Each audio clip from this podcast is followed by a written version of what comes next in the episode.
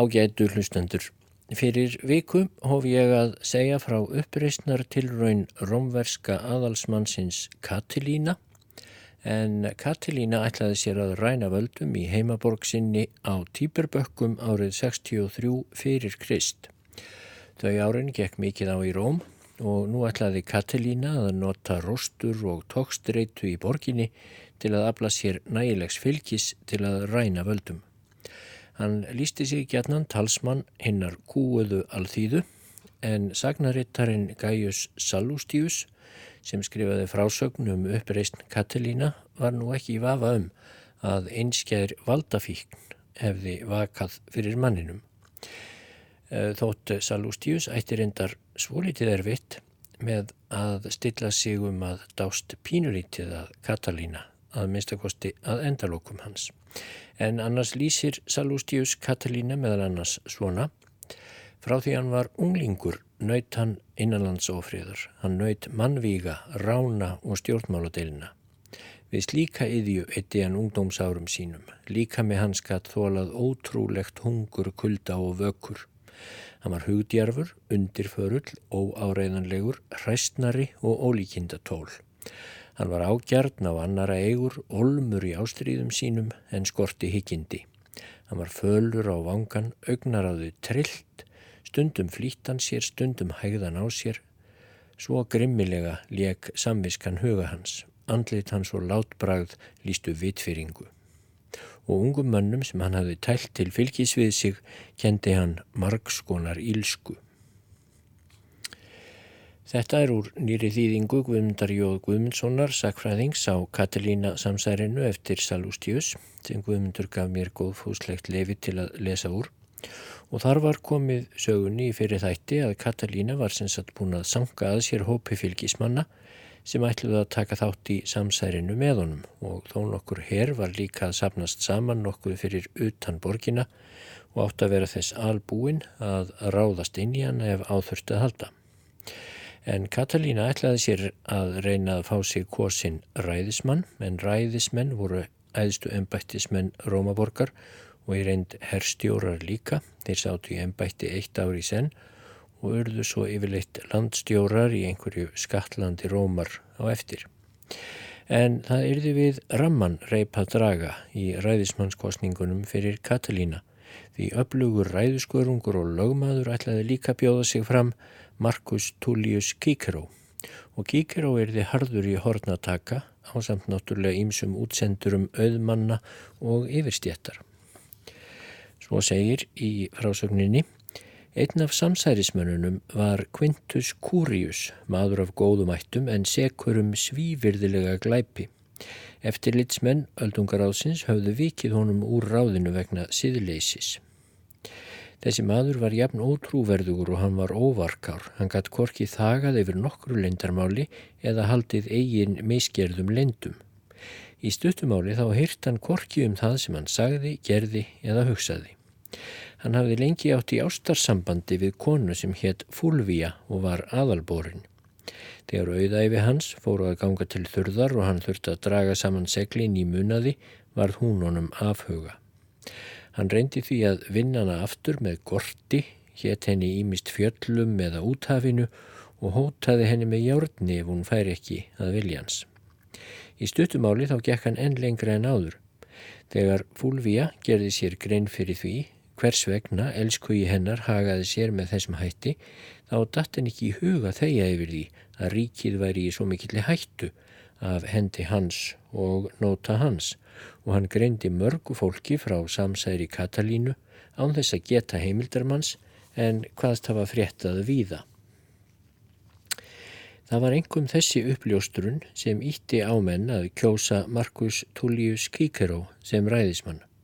Áður hafðu margir aðalsmenn fylst afbríði sem ekki akvart honum og töldu að ennbættið myndi vanhelgast ef nýr maður, svo kalladur, yrði kosin sama hversu ágætur hann væri en Kíkeró var af eh, ættum utan af landi og enginn úr eh, hópi forfæðra hans hafði áður gengt mikilsverðu en bætti og slíkir menn voru kallaðir nýjir menn. En Þeir voru oftast lítils metnir en þegar ógnin gerði vart við sig þá lutu afbríði og dramp í lægra haldi hjá yfirstjettinni og öldungaráðinu. Því var það svo að samsærismenn fyltust örvæntingu þegar í ljós kom að Marcus Tullius Cicero og síðan Gaius Antonius væru líklega styrt til að verða ræðismenn eftir kostningarnar. En ekki mingaði ofsi Katalínu við það heldur færðist hann allur í aukana og létt sapna vopnum á mikilvægum stöðum á Ítalju. Hann tók fíaðaláni út á sitt eigið lánströst eða félaga sinna og sendi til mannlíusar nokkurs í Fesúli en mannlíus varð síðar fyrstur til að grípa til vopna í nafni Katalína. Sagt er að á þessum tíma hafi Katalína treykt sér stuðning margra karla af ýmsutægi og ég vil nokkura kvenna sem á yngri árum hafðu fjármagnað dýran lífstíl sinn með vændi en síðan með skuldum þegar harnað á dalnum því eðslu semi þeirra kvenna var svo sama og áður. Með hjálp þessa fólks hugðist Katalína fá þræla líð borgarinnar til liðsvið sig og brenna róm en síðan tryggjað sér annaðkort liðveislu eiginmanna kvennanna eða láta drepa þá hella. Meðal þessara kvenna var Semprónían okkur en hún hafi framið marga glæpi sem karlmennsku þurfti til. Gæfan hafi blessað þessa konu með ættgöfiki, fegurð en, og einnig eiginmanni og börnum. Hún var vel heima í grískum og latneskum bókmentum, leik listavel á líru og dansaði betur en hæfði heiðvirðri konu. Hún var einnig brýtt mörgum öðrum nöytnalegum eiginleikum. Ekkert fannst henni fáfengilegra en skýrlífi og hæverska. Ekki er gott að segja til um hvort Semprónía var örlátari á fjesitt eða heiður. Losti hennar var slíkur að hún sótti oftar í kallmenn en þeir í hanna. Fram að þessu hafði hún oft rofið eiða, neitað að gangast við skuldbindingum og verið viðstödd mandráp. Fátækt og eðslusemi rak hana áfram. Hún hafði fengið fjölmarka hæfileika í vöggugjöf. Hún var skaldmælt, hafði ríka kýmningáfu og gatt hvort sem vildi talað hæversklega, mjúklega eða dónalega. Hún var bæði orðheppin og hillandi. Eftir að hafa gripið til þessara rástafana og tryggt sér stuðning fólks á borð við Sempróníu þá bauð Katalína sig samt sem áður fram til ræðismanns. Hann vonaðist til að geta notað eh, Gaius Antonius eins og honum síndist ef áallun hans hefnaðist en á öllu reið að fella kíkeró. Katalínu var ekki yðjulaus meðan á kostningabarátunni stóð og gerði ímis samsæri gegn Kíkeró. Kíkeró skorti hins vegar ekki útsjónarsemi til að bregðast við þeim því eftir að hann var orðin ræðismadur, því hann sigraði í kostningunum, tókst honum með mörgum lofórðum fyrir milligöngu Fúlvíu að fá Quintus Curius, mannin sem ég nefndi á þann, til að upplýsa sig um öll áform Katalínu. Auk þess sannfærði Kíkeró, Gaius Antonius, um að higgja ekki á samsæri gegn ríkinu með því að samþykja að hann fengi sitt skatland þegar ræðismanns ári þeirra líki en Kíkeró uh, hafði átt að fá uh, Makedóníu sem var arðvænlegri en vendanlegt skatland uh, Antoníusar, Gallia en nú bauð Kíkeró sem sagt Antoníusi að skipta við sig og þannig gekk Antoníus til liðsviðan og Kíkeró sapnaði einnig um sig á laun lífvörðum úr hópi vinna sinna og skjólstæðinga. Þegar kjördagur rann svo upp og Katalína náði ekki kjöri og ráðabrökk hans gegn ræðismönnunum á marsvöllum missefnaðist, þá ákvaðan að hefja reyna styrjöld og leggja allt undir þar sem ráðabrökk hans hafði endað í vonbrygðum og neysu. Þess vegna sendi hann Gaius Manlius til Fesúli og nærlikjandi hér aða Etrúriu. Hann sendi Septimus nokkur frá Kamerteum til Píkenu og Gaius Július til Apolíu. Þar áttu þeir að vera tilbúnir þegar hernaðarleg uppreist hæfist. Aðra menn sína sendan þangað sem hann taldi þá myndi komað gagni fyrir áallanir sínar. Á meðan var hann sjálfur önnum kafin í Róm við að leggja gildrur fyrir ræðismennina Kíkero og Antonius, undirbúa íkveikjur og koma vopnuðu mönnum fyrir á mikilvægum stöðum. Sjálfur gekk Katalína um vopnaður og bað aðra að gera slíkt þið sama og hvatið á til að vera ávalt á Varðbergi og reyðu búna. Það var nót sem nýtan dag að og korki svepleysin í annir gátu yfirböguðan. Að lokum, þegar ekkert tilræða hans bar árangur, þá kallaðan helstu samsærismennina saman að næturlægi í húsi Markusar Porkiusar Leka. Eftir að hafa álasað þeim fyrir aðgerðarleysi, líst hann því yfir að hann hefði sendt mannlíus á undan til þeirra liðsveita sem hann hafði undirbúið fyrir stríð og aðra hefði hann sendt til annara mikilvægra staða til að hefja hernaðaraðgerðir. Hann hvaðst gætnan vilja fara í fylkingar brjósti ef hann geti gert út af við kíkeró sem stóði í vegi fyrir áallunum hans. Aðrir urðu þá heikandi og óttastleiknir en Gaius Cornelius, rómverskur rittari, lofaði þá á samt öldungaráðsmanninum Luciusi Vargunteiusi að fara með vopnaðamenn fáum nóttum síðar heim til kíkerósa ræðismanns honum að óvörum undir því yfir skinni að þeir ætluða hillan en drepan þessi stað. Þegar Kúrius frétti í hver mikilli hættu ræðismadurinn væri, sendi hann kíker og skilabóði gegnum fúlvíu um þá gildru sem verið var að egna fyrir hann. Til ræðismannunum var því neitaðum einn göngu hjá kíkeró og því mistókst aðförinn. Á meðan æsti mannlíus líðinn í Etrúriu upp gegn Róm en almenningur þar var þá þegar í uppreysnar hug vegna fátæktar og þessa ránglætis sem almenningur hafði þurft að þóla meðan einræðis herran Sulla var við völd einhverjum áratug fyrir. Þá hafðu menn tapað jörðum sínum í Etrúríu og öllum eigum. Og mannlíus leitaði einnig til stigamanna af ímsum þjóðernum en þeir voru fjölmarkir á þessum slóðum. Aðrir komu úr nýlendum súla og höfðu glutrað niður herfangi sínu í munaðar lífi og óráðsíu. En Katilína hétt þeim að þeir myndu brátt hafa fullar hendur fjár að nýju. Þegar Kíkaró var tilkynnt um þetta varð honum órótt. Hann áttaði sig á því að hann geti ekki gert hvort tvekja í senn, varið borgina fyrir samsærinu og aflað réttra upplýsinga um liðstyrk mannlíusar. Hann greindi því öldungaráðinu frá málinu en áður hafði því borist um það orðrómur. Öldungaráðið úrskurðaði því eins og gert er þegar hættir á ferðum að ræðismennirnir skildu grípa til viðegandi aðgerða svo ríkið yrði ekki fyrir tjóni. Það vald sem öldungaráðið veitir ennbættismönnum samkvæmt þessum venjum rómverja heimilar þeim að hverja út er, heia stríð, beita hverskonar þvingunar aðgerðum gegn bandamönnum sem borgurum og fara jæmt með herstjórnarvald sem domsvald, heimafyrir sem og á výgvellinum. En ræðismennir hafa annars engin slík völd nema samkvæmt fyrirmælum þjóðarinnar þar að segja á þjóðfundum þar sem fulltrúar ættbálkanna greiða atkvæði.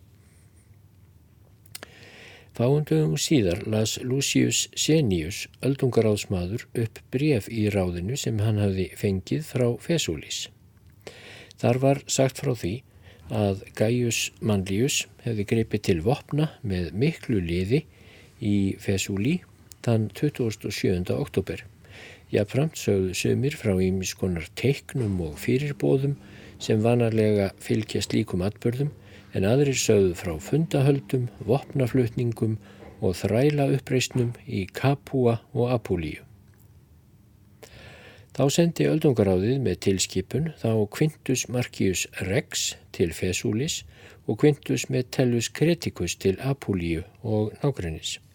En þeir höfðu báðir unnið góða sigra í styrjöldum á undanförnum árum.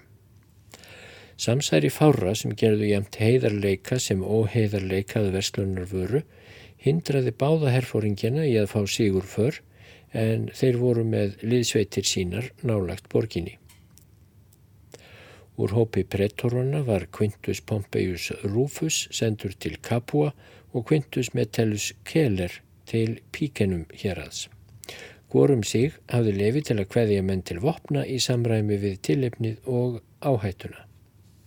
Öldungaráðið fyrir skipaði einnig að þeir þrælar sem gefu upp upplýsingar um samsærið gegn ríkinu skildu fá frelsi og 100.000 sestertíur í eh, laun en frjálsir menn ef þeir voru flektir í samsærið skildu fá sakaruppgjöf og 200.000 sestertíur, helmingi meira en þrælarnir.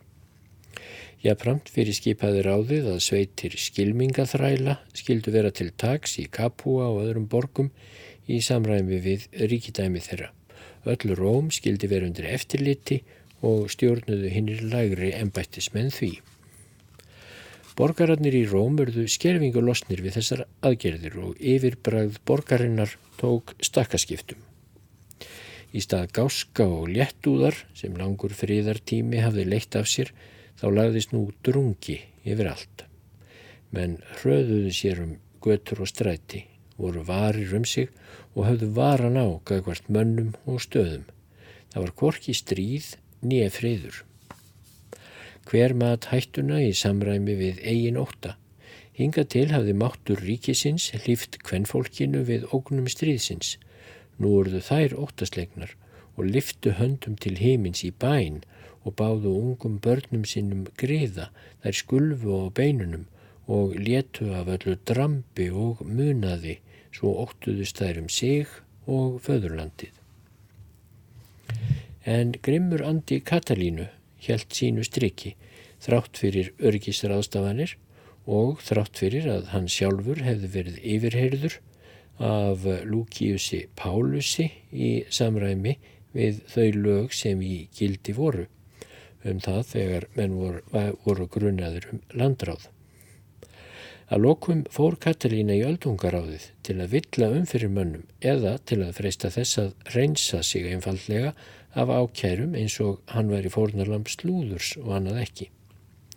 En þá komst Markus Tullius Kíkeró ræðismadur í uppnám, annarkort vegna þess að hann ótaðist nærveru Katalína eða reyttist enni og flutti hann snjallaræðu sem hann skrifaði síðar og gaf út og er þessi ræða einn af þeim frægustu sem haldin var í fornöldinni fyrsta ræða Kíkerós gegn Katilínu. Þegar Katilína gekk til sætis var hann þess albúin að vísa öllum ásökunum á bög. Hann byrjaði því að grátt byggja landsfeðurna niður lútur um að trúa ekki tilhefulöysum brygslum í sinn garð. Hann væri úr þannig fjölskyldu að frá æsku hans hefði lífið verið með þeim hætti að hann ætti alls góðs von. Þeir mætti ekki halda að hann, patrísín eða aðalsmaðurinn, sem eins og forfeður hans hefðu ætíð gætt hagsmuna rómarliðs, tæki sér neitt það fyrir hendur sem skadað gæti ríkið og að aðkomumadurinn Markus Tullius Kíkeró þjónaði íbúum Rómaborgar. Þegar hann hugðist halda róginum áfram, rópuðu allir hann niður og kalluð hann fjandmann og morðingja. Þá eftir Katalína í bræðiskasti og síndi sitt rétta andlit þegar hann rópaði þar sem ég er umkringdur fjandmönnum mun eldur minn eða öllu. Því næst skundaðan heim til sín úr öldungaræðinu. Eftir að hafa íhugað sitt ráð, drjúa stund, komst hann að þeirri niðurstöðu að heppilegast væri að afla sér fleiri liðsmanna áður en legiónirnar í grend við Fesúlís yrðu kvattar til vopna. Þar sem áform hans gagvart ræðismönnunum höfðu ekki náð fram að ganga og hann gerði sér grein fyrir því að varðmenn á göttunum komi í vekk fyrir íkveikjur í borginni sem hafði átt að vera eitt helsta vopnans til að koma öllu í uppnám svo hann geti rænt völdunum, þá helt Katalína nú út úr borginni til herbúða mannlíusar þá um nóttina með fáu mönnum. Samt sem áður gaf hann tveimur af helstu liðsfóringum sínum, þeim Kethegussi og Lentúlussi á samt fleirum sem hann vissi að voru til í allt vegna fýbldirfsku Hann gaf þeim skipunum að fjölga í klíkum sínum með öllum tiltækum ráðum og hrinda samsærinu gegn ræðismönnunum í framkvæmt, búa sig undir morð, íkveikjur og alla þá glæpi sem fylgja stríði. Sjálfur myndan stefna miklum herr að borginni á næsta dögum. Meðan á þessu stóði í Róm þá sendi Gaius Manlius sendimenn til Markiusar Rex sem var á snærum öldungaráðsins með hersveit í Gröndviðan með eftirfarandi skilabóð frá hernum. Guður og menn eru til vittnis um það, herfóringi, að við höfum ekki greipið til vopna gegn föðurlandinu eða til að okna öðrum, heldur til að vernda okkur sjálfa fyrir óhæfuverkum. Við erum auðmir og blásnauðir, margir okkar hafa verið hraktir frá föðurlandinu með grimd og ofbeldi af fjárplóksmönnum. Allir hafa glatað orðstýr sínum og hamingju. Engin okkar hefur fengið að njóta persónufrelsis samkvæmt síðum og lögum forfeðrana eftir að hafa verið sviftir föðurleifð okkar. Slík var grimd okkur karlana og dómstjórana. Forfeður yðar miskunniðu sig oft yfir rómarlíð og komu honum til hjálpar með öldungaráðstilskipunum. Við minnumst til dæmis almennrar samþyktar aðalsins nýlega þess efnis að greiða mætti silfurskuldir með koparpeningum vegna þess hver háar þær voru. Oft hefur líðurinn sagt sig uh, gripið til vopna og sagt sig úr lögum við aðalsmenn til að krefjast stjórnmálavalds eða vegna drams aðalsmannana. Við krefjumst korki valda nýja auðæfa sem venjulega eru orsakir stríðs og dilna meðal döðlegra manna. Heldur krefjumst við frelsis sem engin góður maður lætur af hendi nema sálinn yfirgefi líkamann. Því byggjum við yður og öldungaráðið að hugsa til óhamingjusamra samborgaraðiðar og tryggja okkur á ný vernd lagana sem óréttlæti domstjórana af aðalsættum hefur svift okkur og neyða okkur ekki til að íhuga af nöðsin hvernig við getum selt okkur sem dýrast. Þessu svaraði Quintus Marcius þannig að ef þeir vildu byggja öldungaráðið einhvers þá erðu þeir að leggja niður vopn og koma til rómar sem beiningamenn. Öldungaráð rómarlýðs hafi ávalt verið svo miskunnsamt og fullt samúðar að það hafi aldrei látið nöyðuleitendur sinjandi frá sér fara. Á leiðinni hafði Katalína sendt mörgum fyrrum ræðismönnum og aðalsmönnum bref þar sem hann lísti því yfir að ásakanirnar á hendur sér væri falskar og honum væri um megnað verjast vélabröðum óvinna sína í Róm. Því hefðan lagt af stað til Massalíu eða Marseille í Fraklandi eða Gallíu í, og hefðist vera þar í útlegð, ekki vegna þess að hann hefði neina glæpi á samviskunni, heldur til þess að læja öldurnar í ríkinu svo að engin uppþótt yrðu af hans völdum. Quintus Catulus las hins vegar upp í öldungaráðinu allt annars konar bref sem hann sagði að hefði við sendt í nafni Katalínu og eldi úlfúð öldungaráðsmanna gegn einum uppreysnar gerna aðalsmanni. En eftir að hafa dvalist í nokkra daga hjá Gaiusi Flaminiusi nálagt Arretíum þá vopnaði Katalína íbúana í nágrenninu sem þegar voru í uppreysnar hug og svo flutt hann sig til herbúða aðstóðarmann síns, mannlíusar, með vandknippin og önnur valdatákn. Þegar fregnir bárust til Rómar af þessu, þá lísti öldungaráðið bæði Katilínu og mannlíus fjandmenn og tiltók þann dag sem aðri samsærismenn en þeir, sem átti yfir höfði sér döðadóm, gáttu lagt niður vopn og sloppið við refsingu. En fremur var hveðin upp úrskurður þess efnis að ræðismennirnir gætu kallað saman herr, Antonius skildi elda Katilínu en Kíkeró verja borgina. Aldrei hefur mér virst veldi Rómarlýðs í jafn átakanlegri stöðu. Allt yfiráðasvæði Rómar lítur vopnum hennar frá sólar upprást til sólar lags og heima fyrir ríkti fríður og velmegun sem döðlegir menn þrá umfram allt annað. Samt voru til þeir borgarar sem voru harð ákveðinir í að tortíma bæði sér og borginni því að þrátt fyrir tvær öldungaráðs álektanir þá ljóstraði nú ekki ein einasti maður af öllum þessum flokki upp um samsærið þrátt fyrir verlaunin sem öldungaráðið hétt og enginn yfirgaf herbúðir Katalínu. Slík var minnsemdin sem hafi lagst eins og plága á hug margra borgara. Þessi störlun var ekki bara bundin við þá sem tóku þátt í samsærinu heldur fýsti allan almenningi breytingar af því tægi sem Katalína kvatti til. Að þessu leiti hagaði alþýða sér eftir sínum sið. Hvarvetna öfunda þeir sem ekkert eiga hinn að velmegandi. Þeir lofa hið illa, hatast við það gamla, ásælast það nýstárlega, hafa óbeit á hlutskipti sínu og fýsir í breytingar. Þeir þrýfast auðveldlega í umróti og uppþóttum því að það er auðveld að vera fátækur og það var enga að tapa. Það voru margar ástæður fyrir því að borgar líðurinn hagaði sér með þessum hætti. Fyrir það fyrsta, allir sem voru áberandi fyrir óskamfélni og ósvipni, þeir sem höfðu sóað föðurlefð sinni í ólipnað og að lokum allir þeir sem afbrott og skömm höfðu rekiða heiman, þeir streymdu nú til rómar eins og í rótþró. Svo var ógum marga þá sem mundu eftir Sigurum Sulla sem höfðu fært mikið herfang til Rómaborgar. Þeir höfðu hort á óbreyta hermenn setjast í öldungaráðið og þeir höfðu hort á aðra verða svo ríka að þeir lífðu eins og kongar þótt ekki væru af aðalsættum. Þessir menn vonuðust nú eftir sambærilegum ávöxtum Sigursins ef þeir greipu til vopna með Katalínu. Þarfir utan streymdu til borgarinnar ungir menn sem höfðu dreyið fram lífið með erfiðisvinnu á ökrunum.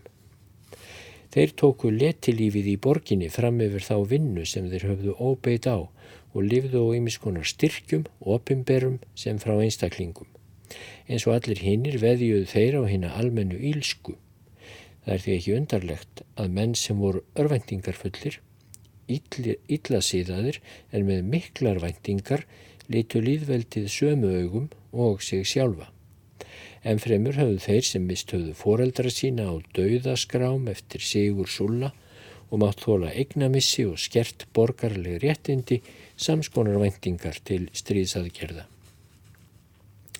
Og að lokum vildu þeir sem ekki voru í líði með öldungaráðinu heldur horfa upp á stjórnarbyltingu en valdaleysi Slík voru þau megin sem herjuðu á ríkið á ný eftir mörg ár. Vald hinn að fáu hafði elst. Þeir áttu ennbættismennina, réðu skattlöndunum og öllu öðru. Þeir voru auðugir og blómstruðu. Þeir voru óttalöysir og brúkuðu domstólana til að okna hinnum og stjórna alþýðunni andspyrnu löst meðan þeir gengdu ennbættum. En þegar óvissa einkendi stjórnmála ástandið og byltingla á í loftinu þá yfirðu gömul ágreiningsmál huga þeirra. Því ef Katalína hefði sigrað í fyrstu orðstunni eða haldið minnst kosti fengnum hlut þá hefðu margskonar ógnir og skjelving hrjáð ríkið. Og ekki hefðu sigurvegararnir Katalína og félagar notið ávinningsins lengi því þegar þeir hefðu verða nýðurlótum komnir þá hefði enn voldugri anstæðingur hrifsað frá þeim völdin og frelsið. Það er að segja auðumadurinn mikli krassus sem talin var standa í skúmaskoti og fylgjast með og býða síns færis. Markir sem staðu höfðu fyrir utan samsærið gengur nú til liðsvið Katilínu.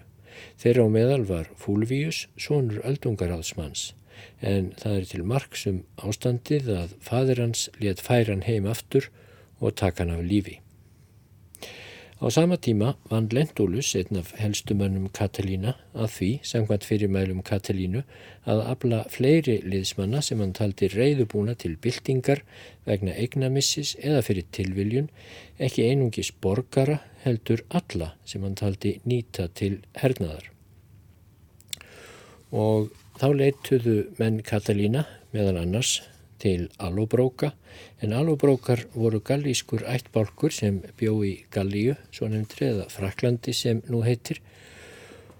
Og Allobrókar voru fengnir til liðs við samsærið og það er tekið fram í bók Salústíusar að það hafi skipt einhverju verulegu máli til að lokka Allobróka til liðs við samsæðismenn að þeir voru, fóringjar þeirra voru leittir í hús þar sem engin önnur en hinn þokkafulla Semprónia reði ríkjum.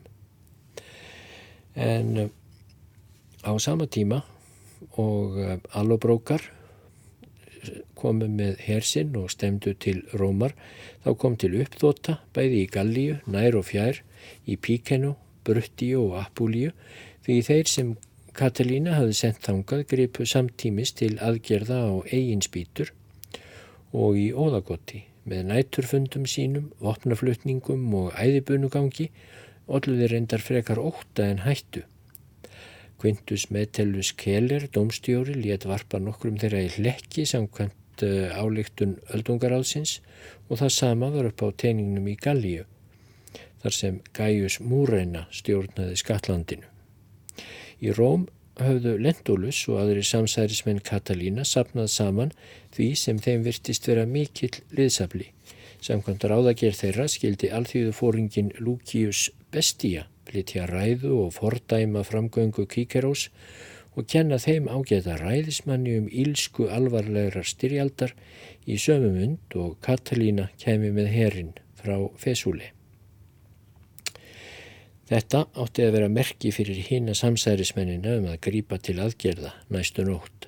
Sagt er að þeir hafi skipt hannig með sér verkum Statilius og Gabínus áttu að kveikja elda samtímis á tólf mikilvægum stöðum í borginni á samt mörgum liðsmönnum sínum svo aðrir samsærismenn ættu auðveldar með að komast að ræðismönnunum Kíkero og Antoníusi og öðrum sem samsærið beindist gegn í ringulreiðinni sem upp kæmi. Kathegus skildi teppa dýr Kíkeros og veita honum atgöngu meðan aðrir réðust á önnur fornarlömp elstu síni í nokkrum helstu aðalsættum átti að drepa um leið og feður þeirra. Meðan allir væru í uppnámi vegna mandrápan og íkveikjana áttu þeir svo að skunda til liðs við Katalínu og herr hans sem nálgæðist Róm. Meðan á undirbúningi aðgerðana kvartaði Kathikus í sífellu undan aðgerðaleysi félaga sinna. Hann sagði þá glata fjölmörgum góðum tækifærum vegna framtagsleysis aðstæður krefðust aðgerða, ekki í hugunar og ef aðeins fáir myndu aðstóðan þá skildan sjálfur ráðast nú þegar á hús öldungaráðsins þótt aðra skorti hugrekki. Hann var árásargjarn og grimmur í lund og lagði höfuð áherslu á að hafa hraðar hendur. En nú fór þó svo að þegar mest reið á þá hrundi samsærið til grunna vegna þess að nú gáðu sig fram nokkri samsærismenn og skýrðu öldungaráðinu frá því sem var yfirhofandi og hvernig samsærismenn ætluðu að grípa völdin í borginni. Og einnig var þeim skýrt frá því að allobrókar væru á leið til borgarinnar með öflugan herflokk og Kíkeró gat því verið viðbúin þegar allobrókar nálguðust og helstumenn þeirra voru handteknir við Milvíubrúna rétt í þann mund að þeir ætluð að hefja einræði sína í Rómaborg. Og þannig fór allt út um þúfur á skamri stundu. Þegar menn greindu ræðismennunum kíkeró frá öllu saman að nú væri samsærið að leysast upp þá varðan kortvekja í senn áhyggjufullur og gladur. Hann fagnaði því að föðurlandinu væri bjargað úr hættu með því að komið hefði verið upp um samsærið en hann var hins vegar mjög áhyggjufullur yfir því hvað til bragðs skildi taka þegar virðulegir borgarar gerðust sekir um svo svívirðilegan glæp sem það að hafa ætlað að ræna völdum í ríkinu. Að refsa þeim væri á hans ábyrð en ef þeim verði ekki refsað þá á þeim grundvelli að þeir væru aðalsmenn þá myndi það tortíma ríkinu.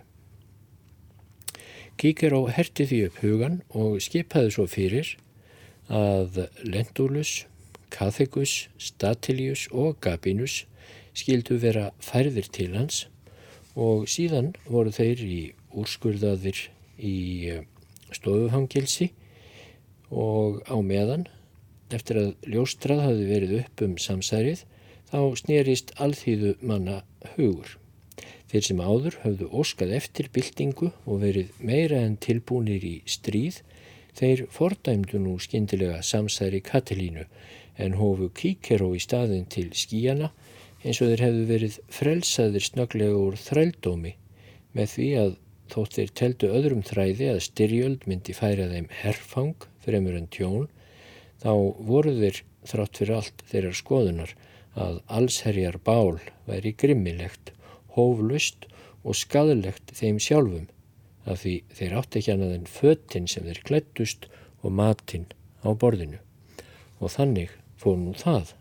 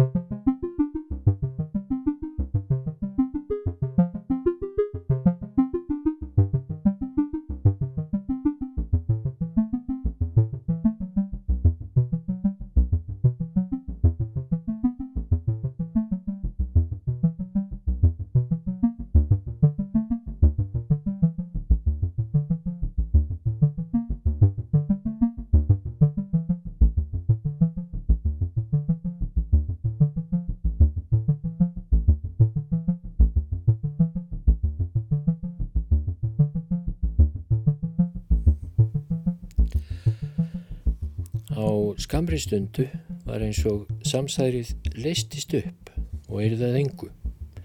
Leysingjar og skjólstæðingar Lendulusar, sem var einn af helstumönnum Katalína, fóru að vísu um og reyndu að æsa þræla og handverksmenn upp í að frelsa Lendulus. Aðrir leituð upp í fóringja hópa sem voru vanir að efna til óeirða í ríkinu gegn gjaldi. Og einn uh, samsærismanna, Kathegus, sendi einnig sendimenn til þjóna sinna og leysingja, valins hóps og þjálfaðs og sárbændi það um að fylgja liði og brjótast til sín með opnavaldi. Þegar kíkar og ræðismæður frétti þetta, setti hann varðmenn þar sem nöðsynlegt var og þegar áþurft að halda. Síðan kallaði hann öldungaráðið saman og spurði hvað til bragðs skildi taka varðandi þá leðtoga samsærisins sem nú voru í varðhaldi eða stofufangilsi og öldungaráðið hafði nú úrskurðað landráðamenn. Og nú tekur við allangur kapli hjá Saljústísi þar sem öldungaráðsmenn ráða ráðum sínum um hvað skuli gera við fangana, þar að segja leðtoga uppreysnar mannana. Flestir vilja láta taka þá formáluleust af lífi fyrir landráð en það er nokkrum erfiðleikum bundið þar sem þeir eru, helstuleitóðanir þar að segja, aðalsmenn og eh, það var ekki tekið út með sitjandi seldinni að aflífa aðalsmenn. Öldungaráðið vildi helst ekki taka slíka ákvörðun þar sem þar getu þar með væru gefin slæm fordæmi.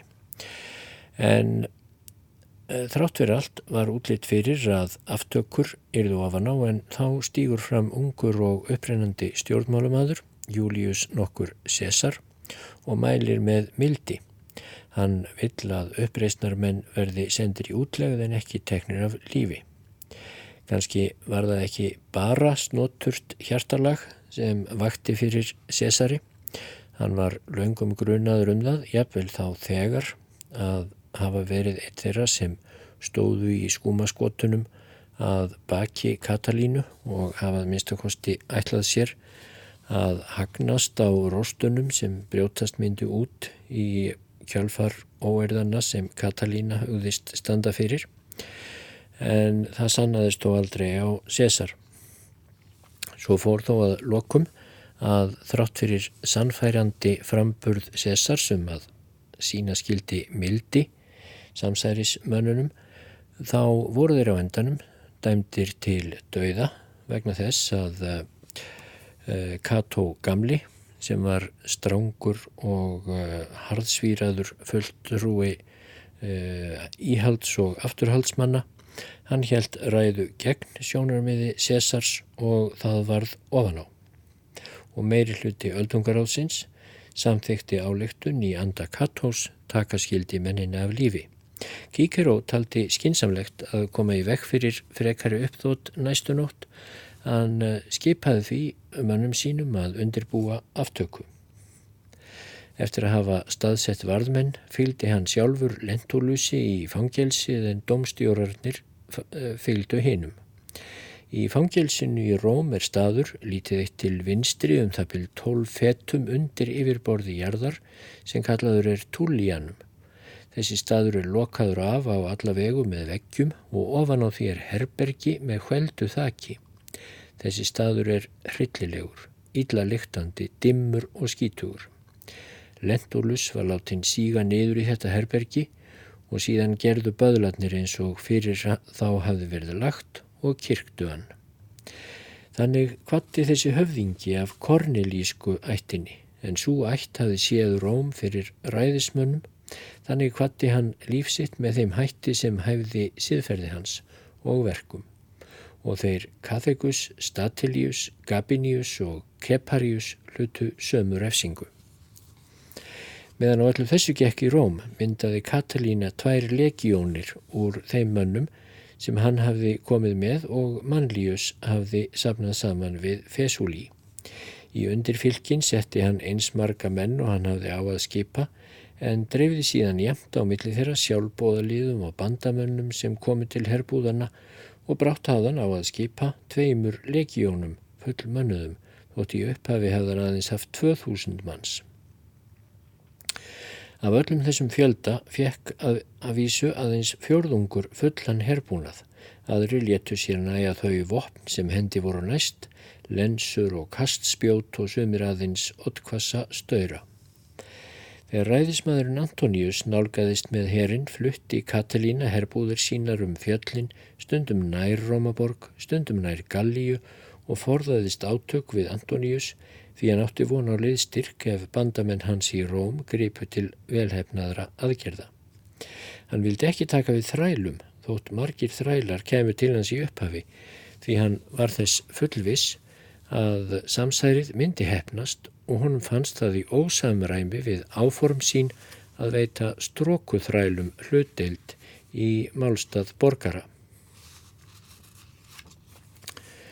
En eftir að fréttir bárust til herbúðana um að samsærið hefði verið afhjúpað og Lentulus og Kathikus á samtínum hefði verið teknir af lífi, þá létu ymsir af þeim sem vonuðist eftir herfangi í stríðinu eða óskuðu byltingar þeir létu sig nú hverfa.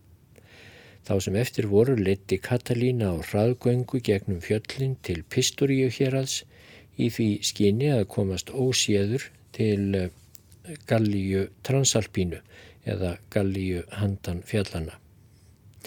En Quintus Metellus Keller sem hafði þrjár legjónir í Píkeno reknaði með að Katalína myndi gera einmitt það vegna þessi vanda sem hann var í og áður er greint frá og brátt var Katilína innilokaður og fekk ekkert að gert. Og eh, Katilína ákvaða lokum að hann yrði að láta sverfa til stáls. Það væri aðeins einn kostur í stöðunni, treysta á stríðskæfuna og ráðast en fyrst á Antoníus. Hann skipaði herr sínum með lúðraflæstri og skipaði mönnum sínum að ganga fylltu liði niður á sléttuna framöndan Að því búinu let hann fjarlæga hestana svo allir hermenindir væri í sömu hættu til að auka hugrekkið þeirra. Sjálfur fylgti Katalína liði sínu í samræmi við aðstæður og fjölda hermanna. Þar sem sléttan er girt fjöllum vinstramegin og á hægri hönd grítu landi þá fylgti hann átta undirdeldum fremst en hafði aðra liðsmenn sína til vara í þéttri fylkingu. Í hinu liðinu fól Gaius Antonius Petreusinn okkur um herstjórn því sjálfur gæti hann ekki tekið þátt í bardaganum vegna fótarmeins. Petreus fylgdi í framlínunni undir fylgjum varaliðsmanna sem kvattir höfðu verið til herþjónustu vegna umrótsins en afgangin af hernum hafðan til vara. Sjálfur reyðan fram og aftur á hesti sínum og ávarpaði hvern og einn dáta með nafni, kvatti þá og bað þá að muna að þeir væri að berjast fyrir föðurlandið, öllturu sín og eldstæði við óvopnaða stigamenn. Eftir þennan undirbúning gaf Petrefus merki með lúðrunum um að undirfylkin skildu sækja hægt fram. Anstæðingurinn gerði slíkt við sama. Þegar þeir koma á þann stað þar sem léttvopnuðu hermeninnir gáttu tekið þátt í bardaganum, rákuðir upp heróp og kostuðu kastspjótum og dróðu sverð úr slíðurum. Reyndir hermenn myndust dirfsku sinnar og gengu hugrakkir til návís. Andstæðingarna skorti heldur ekki djörfung og voru fastir fyrir. Baráttan var hörð. Á meðan Katalína var í fylkingarbrjósti með léttvopnaða menn sína en hann kom þeim til hjálpar sem voru í nauð, hann kallaði til liðsauka í stað þeirra sem særðust, hafði auga með öllu og barðist oft sjálfur og drap marga anstæðinga með eigin hendi. Þannig gengdi Katalína hvortvekja í senn hlutverki hins hrausta stríðsmanns og góða fóringja. Þegar Petriðu sá að Katalína barðist af meiri hörku en hann hafði reiknað með, leti hann lífarðasveit sína inn í miðja fylkingu anstæðingana og sundraðinni og drap þá sem vörðust. Man, Manlíus og maðurinn frá Fesúlú fjallu fyrstir þegar Katalína sá að herr hans var sigraður og hann hafði aðeins fáamenn eftir reðst hann á anstæðingana þar sem þeir stóðu þjættast. Hann gerði þetta minnu úr uppruna síns og fornrar upphefðar og fjall þar gegnum stungin. Að orustu lokinni kom dirfska og staðfesta liðsveita Katalínu í ljós. Allir höfðu fallið þar sem þeir stóðu í upphafi bardagans, enginn hafði hoppað. Nokkrir af þeim í miðjunni sem lífarðasveitin hafði sundrað lágu skamt frá hinnum eða jafnvel þeim, en jafnvel á þeim voru sárin framann á líkamannum. Enginn hafði sára á bakinu. Katalína lág langt fyrir framann menn sína innan um fjöldafallina andstæðinga. Hann dró enn andan og á hans, andliti hans mátti greina viljastyrkin sem engjendan meðan hann livði. Að lokum, ekki einasti borgari var tekin lifandi til fanga á vývellinum eða á flotta. Hermenn Rómarlýðs hafðu ekki unnið ánægulegan eða blóðulöysan sígur. Allir hinnir vöskustu menn höfðu annarkvort fallið í bardaganum eða særst alvarlega. Margir þeirra sem höfðu farið úr herbúðunum til að kanna vígvöllin eða ná í herfang fundu þegar þið sneru við líkum ofinnana vinsinn, gistivinn eða skildmenni. Sumir þekktu einnig ofinni sína. Þannig var allur herin ímist sorgbitinn eða nökkinn, harmandi eða fagnandi.